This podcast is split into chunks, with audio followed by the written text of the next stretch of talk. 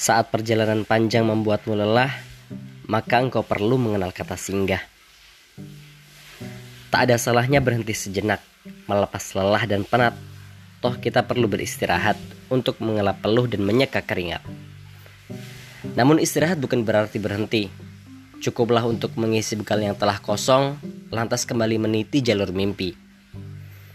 Menempuh jalan kehidupan nan terjal tidaklah mudah. Maka dari itu Allah sediakan kata singgah untuk berbenah.